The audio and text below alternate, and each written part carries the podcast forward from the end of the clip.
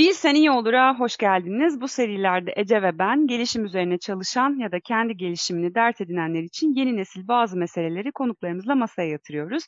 Yeni bir bölümle daha karşınızdayız. Bugünkü konuğumuz Arzu Makturan Köseoğlu.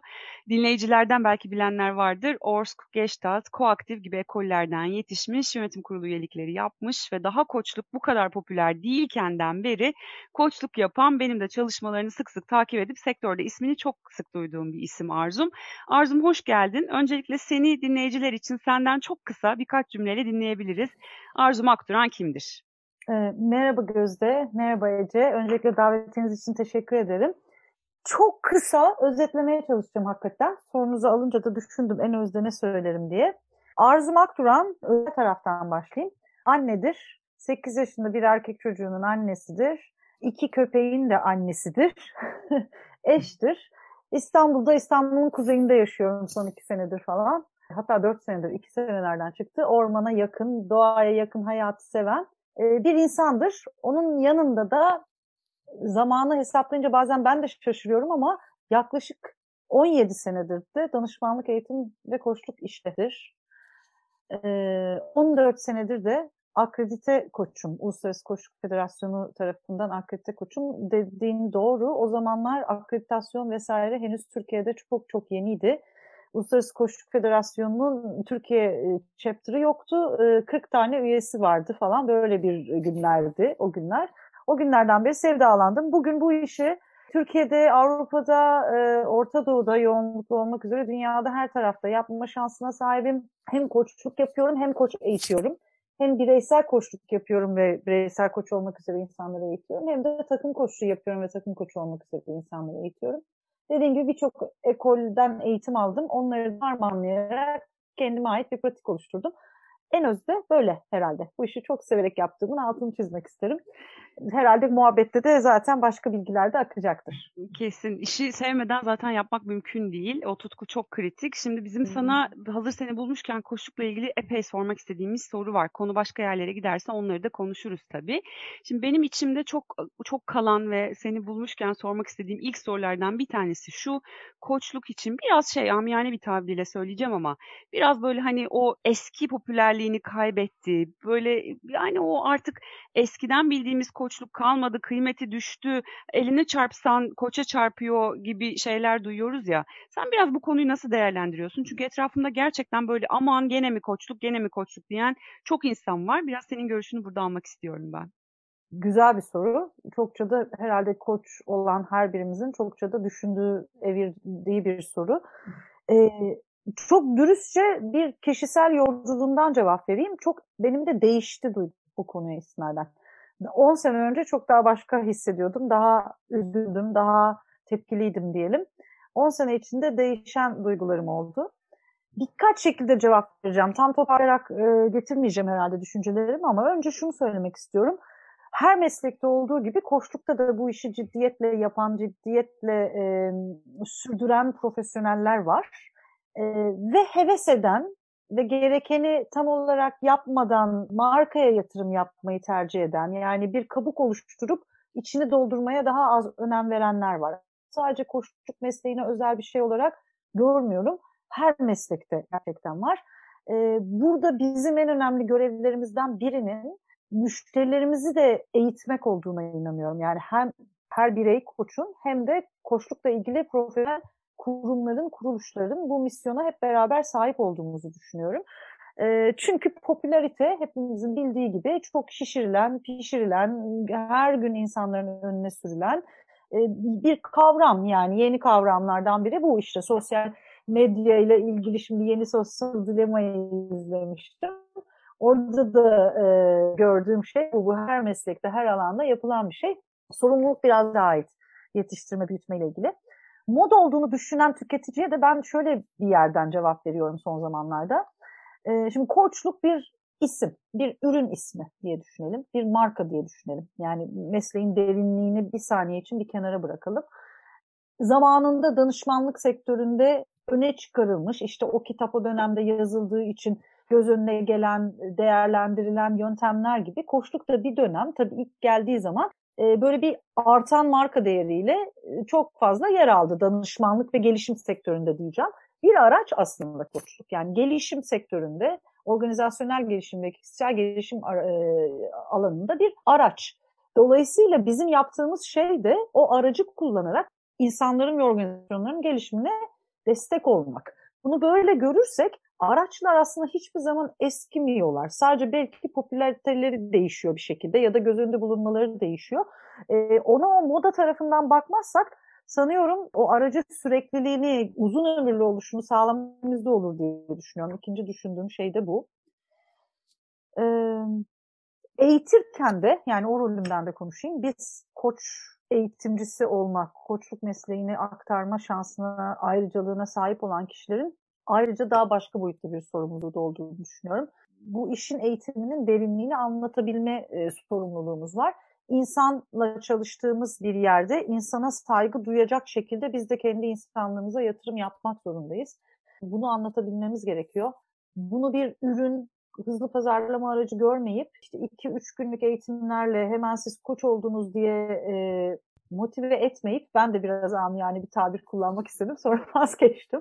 Yani gazı vermeyip kullanayım hadi gazı vermeyip büyük bir dünyaya sorumluluğumuz var. Yani o tabii ki o eğitimlerin satılması, o işlerin yürümesi önemli ama her şeyin de yerini bildirmek büyük bir sorumluluk. Çok büyük bir sorumluluk. Aynı şey terapi alanında ve diğer kişisel gelişim alanlarında da geçerli. O sorumluluğun bilincinde olmam lazım. Ben biraz fazla da hatta tutucuyum bu konuda. Bir de bilinirim sektörde. E, bu etik kurallar, e, etik meselelerle ilgili savunuculuğumla çok e, dururum. Çok önemli olduğunu düşünüyorum. Çünkü sadece benim benim adıma değil, işte hepimiz adına bir sorumluluk taşıdığımıza inanıyorum. Kesinlikle özellikle insan kaynakları tarafına da çok büyük rol düşüyor bu noktada. Bazen içeride e, çalışanlarımızı elde tutmak için işte hemen koçluk sertifikasyonlarına başlayalım. Ne kadar sertifikasyon süreci öngörüyorsunuz? Üç günlük bir eğitim yapacağız. Bazen gerçekten duyduğumuz e, şeyler oluyor. Evet. Bunlardan vazgeçmek lazım. Kesin çok teşekkürler Arzum. Güzel bir giriş oldu en azından meslek adına. Sevindim böyle düşündüğünüzde. Ee, ben de şunu düşündüm Arzu'mu dinlerken güzel bir ifade kullandın. Hani koçluk bir araç dedin. Ee, galiba piyasada biraz kavram kargaşası da oluyor insanların kafasına diye ben düşünüyorum. E, koçluğu bir araç olarak çeşitli mesleklerin içinde kullanmak bir kısmı. E, bir de koçluğu salt koçluk e, olarak meslek olarak yapmak söz konusu. Hı hı. Belki bu kavram kargaşası da e, yanlış algılamalara yol açıyor olabilir. Sen ne düşünüyorsun? Ya sen bu farkı nasıl değerlendirirsin? Bir de araç olarak kullananlar için kişiye neler kazandırıyor e, diye ben de sormak isterim. E, bu da çok kıymetli bir soru oluyor. Bu benim eğitimlerde çok çok böyle altın çizdiğim bir şey. Şimdi benim için araç olarak kullanmak şöyle bir şey. Ben gittiğim zaman müşterinin ihtiyacını anlayayım ve ihtiyaca yönelik de elimdeki araçlardan en uygunu neyse onu önerebilmeliyim. Koçluk onun için uygun değilse uygunmuş gibi yapmamalıyım kendi elimdekini satmak için. Yani elma isteyene armut vermemeliyim çok basit bir şekilde. Ee, şimdi koçluk Türkiye'deki kariyer aslında yani daha toplumsal sıkıntılara bağlayabiliriz bunu ama oralara hiç girelim demeyeceğim şimdi ama Türkiye'deki kariyer sıkıntıları nedeniyle bence bir grup insanın ikinci kariyer umudu olmuş bir meslek koçluk. E, kolay görünüyor, eğitimi kolay görünüyor, yapması kolay görünüyor. Yani dışarıdan bakılınca kolay görünen bir şey. Sanki bir saat oturuyoruz, sohbet ediyoruz ve bunun karşılığında müthiş paralar alıyoruz gibi görünen bir şey. Öyle görmenin kolaylığını da inanın anlıyorum yani. Gerçekten de öyle görünüyor.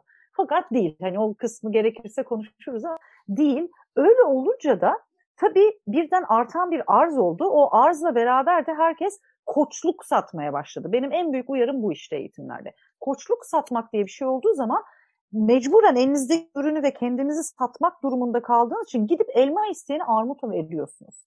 İkna ediyorsunuz armut alması gerektiğine dair. Sonra o müşteri size başka bir koça gidiyor diyor ki biz koçluk aldık hiç memnun kalmadık. Ne aldınız tam olarak? Bir dinliyorsunuz koçluk falan almamışlar. Ya da koçluk ihtiyacı olan birine koçluk vermemişler. Uyuşmamış yani yollar.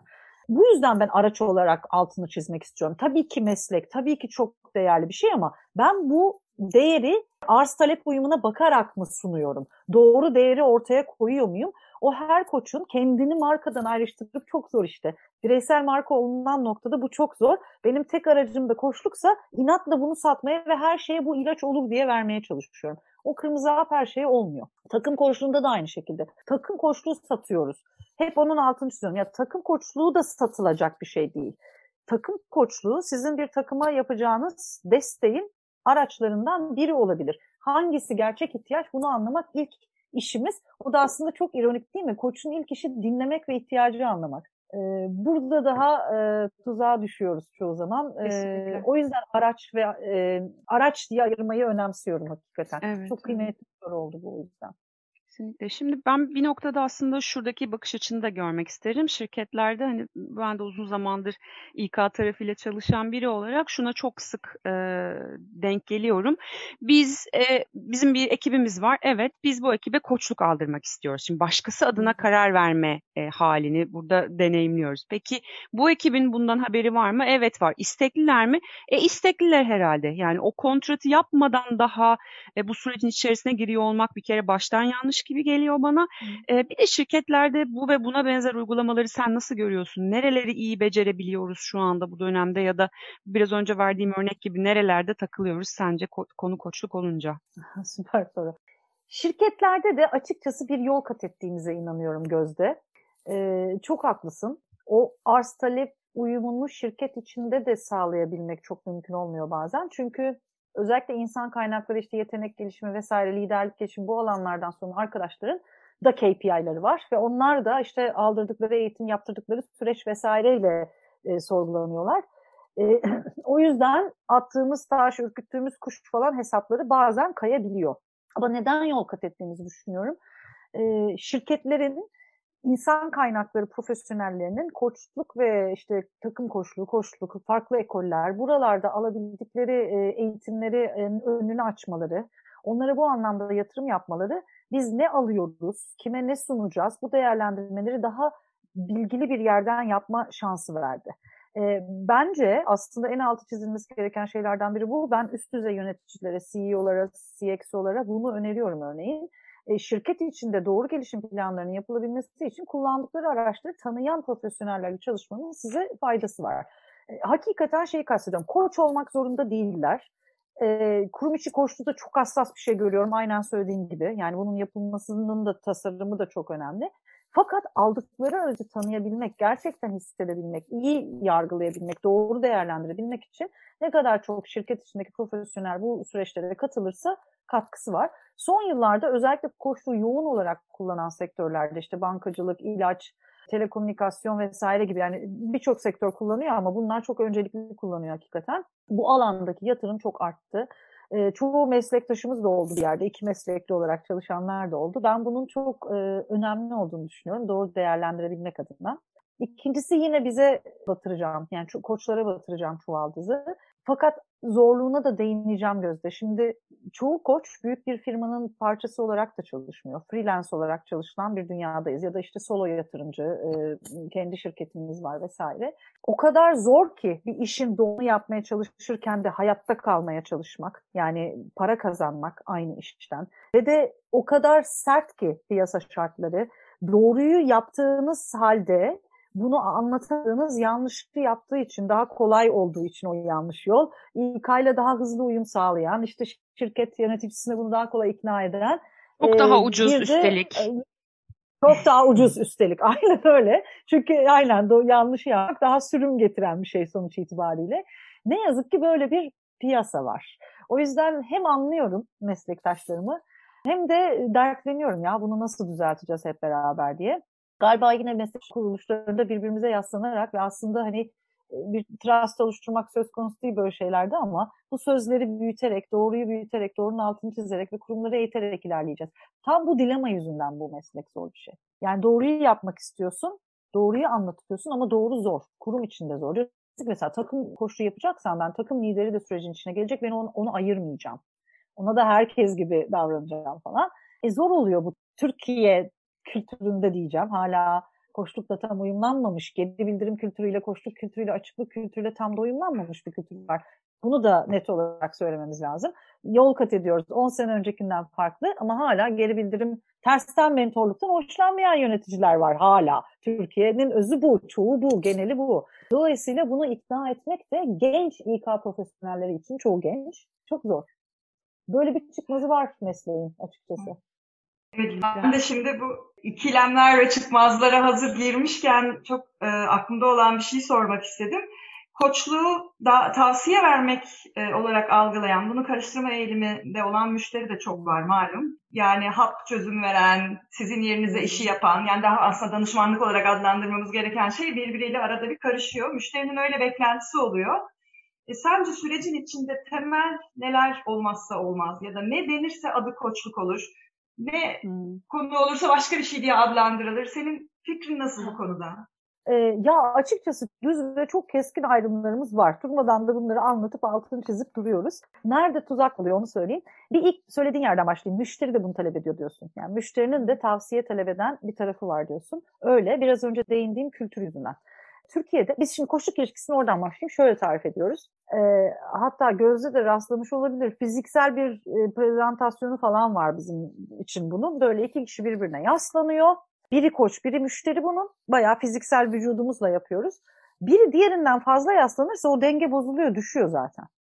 Koçluğun eşit yaslanma olmadan yapılamayacağını iddia ediyoruz. Şimdi böyle bir meslek yapısı Türkiye'de yok. Türkiye power distance'ı hani beş tane e, Hofstede modeli miydi o? Beş tane kültürel evet, karşılaşma şey var. Ha. Birisi power distance'dır. Türkiye güce uzaklığı fazla olan bir kültür. Dolayısıyla bizim anladığımız ilişki modeli genelde bu. Söylenecek yukarıdan bir yerden, aşağıdan bir yerden duyulacak ve o bir tavsiye olacak, o bir sırt sıvazlama olacak. Bu her zaman tavsiye vermek de değil. Pohpohlama, sırt sıvazlama. Yani güç karşıdan gelecek hep. Yani ancak burası böyle işliyor. Biz bu eşit ilişki yetişkin yetişkine iletişim kurulan toplumların yapabildiği bir şey. Türkiye hiçbir kurumu ve hiçbir yöntemiyle ne yazık ki günümüzde ha, yetişkin yetişkin ilişkisini kökten beslemiyor. Bugün besliyor diyeceğim. Şimdi çocuğumdan örnek vereceğim ama e, haddimi aşmış olacağım ve çirkin bir şey söylemiş olacağım. Çünkü benim çocuğum Türkiye'deki yüzde bilmem kaç azınlığın içinde. Onun okulunda tabii ki yetişkin yetişkin eğitim besleniyor ama e, devlet okulundaki, ilkokulda, köy okulundaki bir çocukta hala yetişkin çocuk ilişkisi besleniyor. Şimdi böyle bir yerden, böyle bir aile kültüründen gelen bir toplumda biz birdenbire diyoruz ki yöneticin de sana tavsiye veriyordu, öğretmeni de veriyordu. Annem baban hala veriyor. Yani 40-50 yaşındasın ama hala oradan tavsiye de alıyorsun falan. Ama ben sana tavsiye vermeyeceğim. Şimdi müşteri diyor ki tamam el sıkışıyoruz. Fakat o kadar içinde yok ki çoğu müşterinin. Bir şey yani söyle bana. bir şey söyle bana. Gözünün içine bakıyor. Bir şey söylemesen bile onaylanmayı bekliyor. Ee, ben en, neyi en zor öğrendim biliyor musunuz? Bu bende de olduğu için. Hı hı demeden dinlemeyi öğrendim mesela. Yani e, süpervizyon alan bir koçum, böyle olması gerektiğini inananlardanım. Hı hı dememi yakalamıştı bir süpervizör. Ben onu dinleme onayı olarak kabul ediyordum. Hayır dedi onay veriyorsun söylediğine. Tarafsız kalmaya devam etmen lazım. O kadar içime işlemiş ki. Böyle bir şey bu. Yani damarlarımızda, kanımızda akan bir şey. Dolayısıyla müşteri de o niyetle geliyor. Şimdi bunun karşısında koçun birkaç tane şeyi çok sağlam yapması gerekiyor. Bir, metaforik olarak söyleyeceğim, hı hı dediğini fark edecek bir süpervizyon sürecine ihtiyacı var. Yani bir önce kendini yetişkin yetişkin ilişkide duracak şekilde sağlamlaştıracak. Çünkü bu ülkenin kültüründe bir de şu var. Sen tavsiye verdikçe yücesin. Beğenilen bir koç oluyorsun, istenen bir danışman oluyorsun, istenen bir mentor oluyorsun. Tavsiye vermedikçe bilmiyorsun. Tecrübesizsin. Eksiksin. Arzum biz şunu şunu duydun mu hiç meslek hayatında? Bizi çalıştırıyorlar. Bize ha, bize soruyorlar. e zaten bunun doğası bu. Yani tabii ki sana soracağım. tabii ki seni çalıştıracağım. Danışman hiçbir şey söylemedi bize sordu. Hem parasını veriyorum. Duymaz mıyım? Biz de koç yetiştirirken bile kız şunu söylüyoruz. Ne kadar az yorulursanız o kadar iyi koçluk yapmışsınızdır. Şimdi aramızdaki uçurum bu. Ee, ben bu çok var. Dolayısıyla yine 10 seneye göre öncesine göre az var diyeceğim. Yani bayağı bir yol kat ettik diyeceğim. Biz ne kadar sağlam durursak, şimdi koç aslında eğitim vermiyor ya ama bir şekilde oluş haliyle öyle bir duruşumuz var ki o duruş aslında bir şekilde kişiyi eğitiyor, başka türlü olmaya eğitiyor, yetişkin olmaya eğitiyor. Benim bir şey söyleme gerek yok, o duruş eğitiyor. E, kaybediyoruz, kazanıyoruz, bunu anlayan organizasyon var, anlamayan organizasyon var. İşte o ben markam, ben kazandığım para vesairenin ötesindeki o profesyonel bilinçle bir vadede e, alışılacağına, gelişileceğine inanıyorum. O yüzden de yine iki kurumların verdiği eğitimlerin iki taraflı önemine inanıyorum. e, bu tarz programların önemine inanıyorum. Çünkü yani mass medyadan bu bilinci oluşturmasını bekleyemeyiz. Hani biz koştuğun ilk oluştuğu dönemlerde bir ara Uluslararası Koşu Federasyonu'nda ben de yönetim kurulunda üyeyken televizyonda bir program vardı. Yaşam Koçu idi galiba programın da adı. İşte evlerine gidip bu koltuğu at, bunu giy, bunu çıkar, bunu yap. Birbirinize böyle davranın falan ve böyle çok izlenen bir programdı. Biz şimdi oturduk konuştuk dedik ki biz bunu şikayet etsek mi ne yapsak hani mesleğe nasıl zarar veriyor? En sonunda hiç o tarafa bulaşmamaya karar verdik. Çünkü o savaşın bir sonu yok. Sonradan da benzer şeyleri koştuk adlandıran bir sürü şey geldi mass medyada. Bizim başka bir yerde e, ekiyor olmamız lazım. O yüzden çıktığımız yol, misyonumuz, bu tarz çalışmalar çok kıymetli gerçekten. Şimdi bir konuya daha hemen değinmek istiyorum. Çünkü kritik bu dönemlerde de çok sık üzerinde duruyoruz. Bu uzaktan liderlik meselesi. Ben sıklıkla hani webinar isteklerinde de şu anda eğitim isteklerinde de ya da bir liderlik akademisi kurgusunda mutlaka değinilen bir konu olduğunu görüyorum. Öne çıkıyor. Çünkü ihtiyaç var. Yani uzaktan yüz yüzesini e, ne kadar yapabiliyorduk. Şimdi uzaktan liderlik etme konusunu biraz konuşmaya başladık. E, koçluk da bence bunun parçası. E, sık gelin, gelen bir soru yine. Uzaktan ekibimi nasıl yöneteceğim? Uzaktan nasıl koçluk yapacağım? Biraz senin oradaki bakışını ben duymak isterim aslında. Bu e, online taraftaki koçluğa nasıl bakıyorsun? Sen sence hala yapılabiliyor mu? Hala mümkün mü? Ya da yapanlara ne önerirsin? yapılabiliyor. Yani biz profesyoneller açısından yapılabiliyor diyeceğim. Yani ben kendi deneyimde bunu yaşadım. O önerilerime sonra geleyim.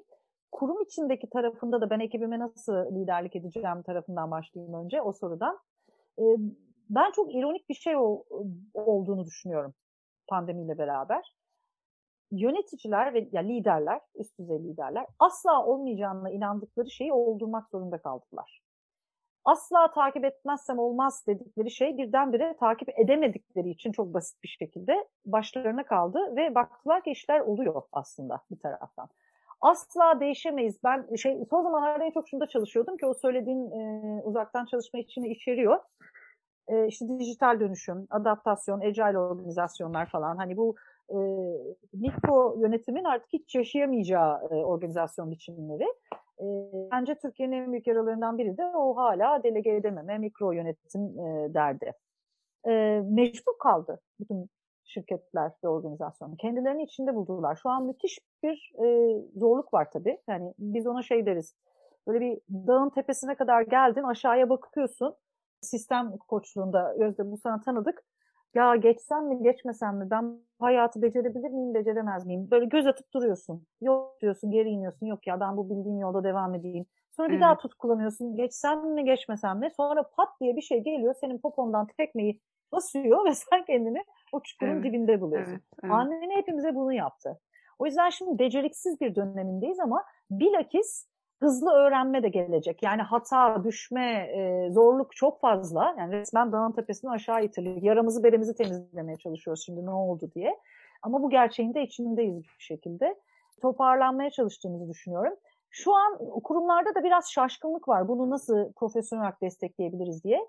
Benim söylediğim hep bu tarafının. Bu ilişki biçimini öğrenecek en azından yöneticileriniz bir koçla yakından çalıştıklarında ya da bir takım koçuyla yakından çalıştıklarında o aynalayacakları ilişki biçimi e, dolaylı destek olacak her şeyden önce. Çünkü bir de şu ara şey var e, işte dağdan düştük ve kendimizi toparlamaya çalışıyoruz. İşler perişan.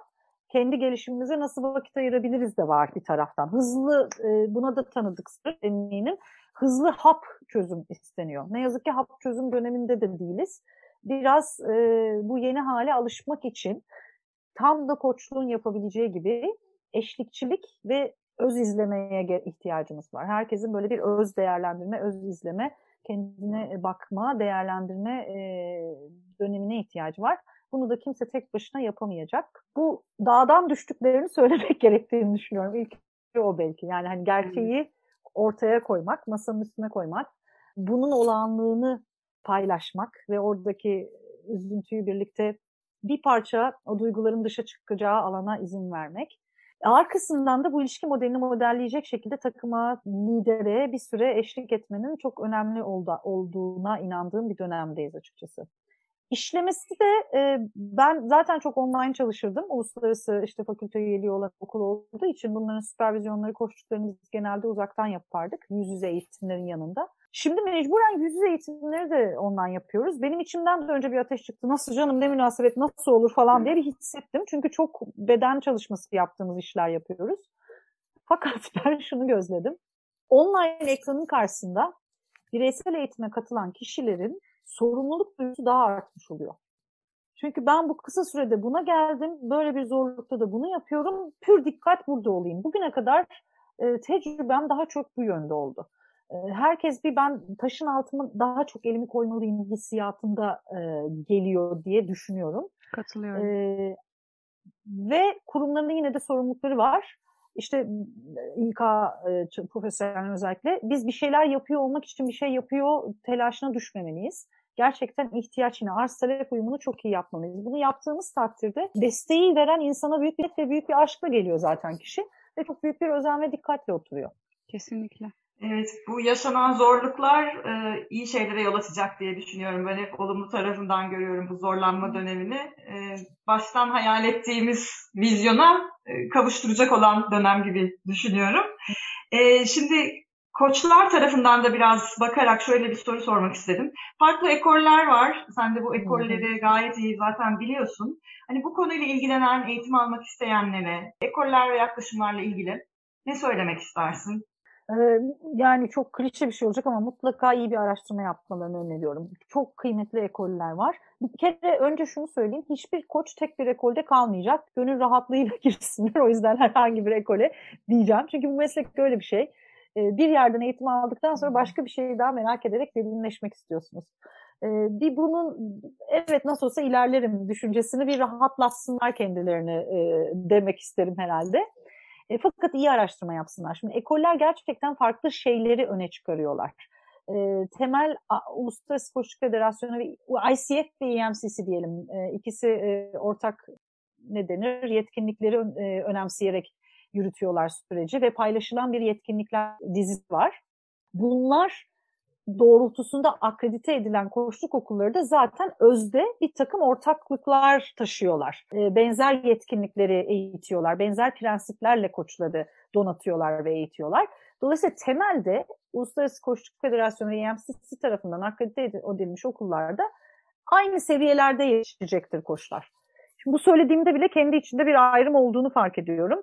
Akreditasyonu olan tanınmış okulların peşine gitmek tabii ki yolu kısaltır, donanımı arttırır, kaliteyi arttırır. Buna güvenmek lazım. Çünkü araştırma yapsınlar dedim ama bir insanın bireysel olarak bütün okulları tanıyıp da ne öğretiyor, nasıl öğretiyor diyebilmesi mümkün değil.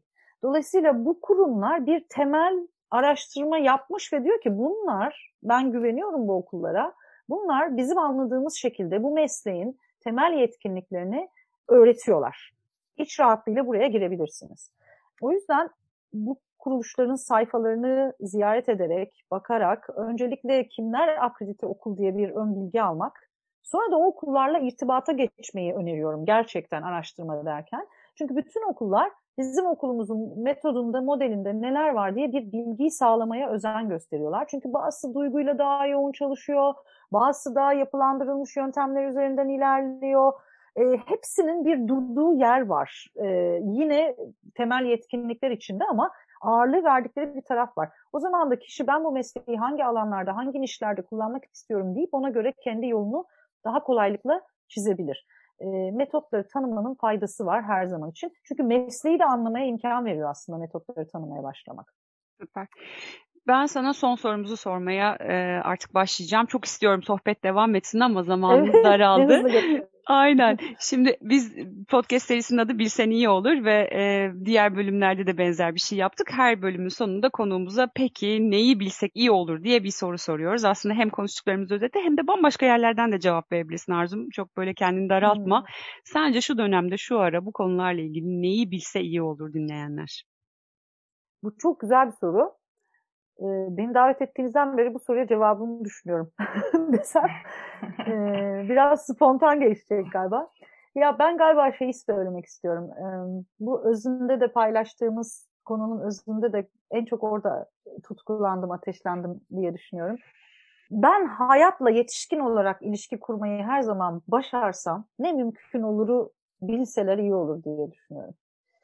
Bunu illa koşluk aracılığıyla öğrenmek zorunda değiller. Okudukları kitaplar, izledikleri filmler, orada bunun ilhamına bakmalarını teşvik etmek isterim herkesin. Çünkü ben bunu bu kurumsal gelişimin vesaire çok ötesinde bir şey olarak görüyorum. Ee, günümüzde de çok çok gerekli olduğunu düşünüyorum. Artık daha da gerekli olduğunu düşünüyorum. Şöyle bir yerden örnek vereceğim izninizle. Daha biraz vaktimiz var galiba. Şimdi ben 5 sene önce e, kısacık bir Londra seyahatinde Wired diye bir dergi var. Technical bir şey. internet dünyasıyla falan duymuş olabilirsiniz. E, o dergiyi almıştım. Çünkü kapağında bir article'ın şeyini görmüştüm. Özetini görmüştüm. Harari var ya e, Homo Deus Homo Sapiens vesaire. Onunla AI in Education eğitimde Artificial Intelligence diye bir e, röportaj gibi bir şey yapmışlar. Bir makale. Onu merak ettim. Ne diyor acaba diye. Yani bu konudaki çok görüşleri var. Özü şöyle. Diyor ki ve çok heyecanlanmıştım. Bir sürü koç arkadaşımla paylaştım bunu. Özü şu yazının. Artificial Intelligence öyle bir noktaya geldi ki diyor ve 5 sene önceden bahsediyoruz. Yani bugün e, ne Facebook krizi olmuştu, ne Social Dilemma yayınlanmıştı. Yani bu çözümlendiğimizin daha bu kadar ayırdığında değildik. Günümüz çocuklarının en önemli challenge diyor kendilerini tanımak. Çünkü kendilerini tanımadan sosyal medyadaki interaksiyonlarından artificial intelligence onlara bir kimlik biçtiği ve sürekli ona istinaden bir takım bombalamalar yaptığı için kimliği oluşmamış bir birey olarak kendini başka biri olarak algılamaya başlıyor. Şimdi bizim çağımızda başka türlü bir sorun vardı, şimdi başka türlü bir sorun var. Kendini tanımak, kendini anlamak, kendini yetişkin olarak yetiştirmek dolayısıyla bu şu demek, kendi özün neyse o doğrultuda karar verebilme gücünü, özgünlüğünü geliştirebilmek kendi içinde çok kıymetli bir şey. Biz bunu daha önce kültürel olarak başarmakta zorlandık. Birbirine bağlı, aile değerleri önde bir e, toplumuz ki çok kıymetli. Yani bu da asla kaybetmek istemeyeceğim bir şey. Fakat bunun içinde çocukların bireyliğini nasıl e, teşvik edebiliriz e, sıkıntısını yaşıyorduk. E şimdi hı hı. bir de bunun üstüne dünya bundan para kazanan koskoca bir pazarlama e, çukuru. O yüzden diyorum ki herkese ya ben kendimi tanısam, hayatla bütün ilişkimi yetişkin olarak kursam neler mümkün olur acaba diye biraz hayal etseler diyeceğim. Nefis bir soru önce. oldu. Nefis bir soru oldu. Çok teşekkür ederiz. Çok, çok teşekkürler Arzum. Arzum görüşmek çok üzere. İyi ki geldin. Bizim için de çok keyifliydi.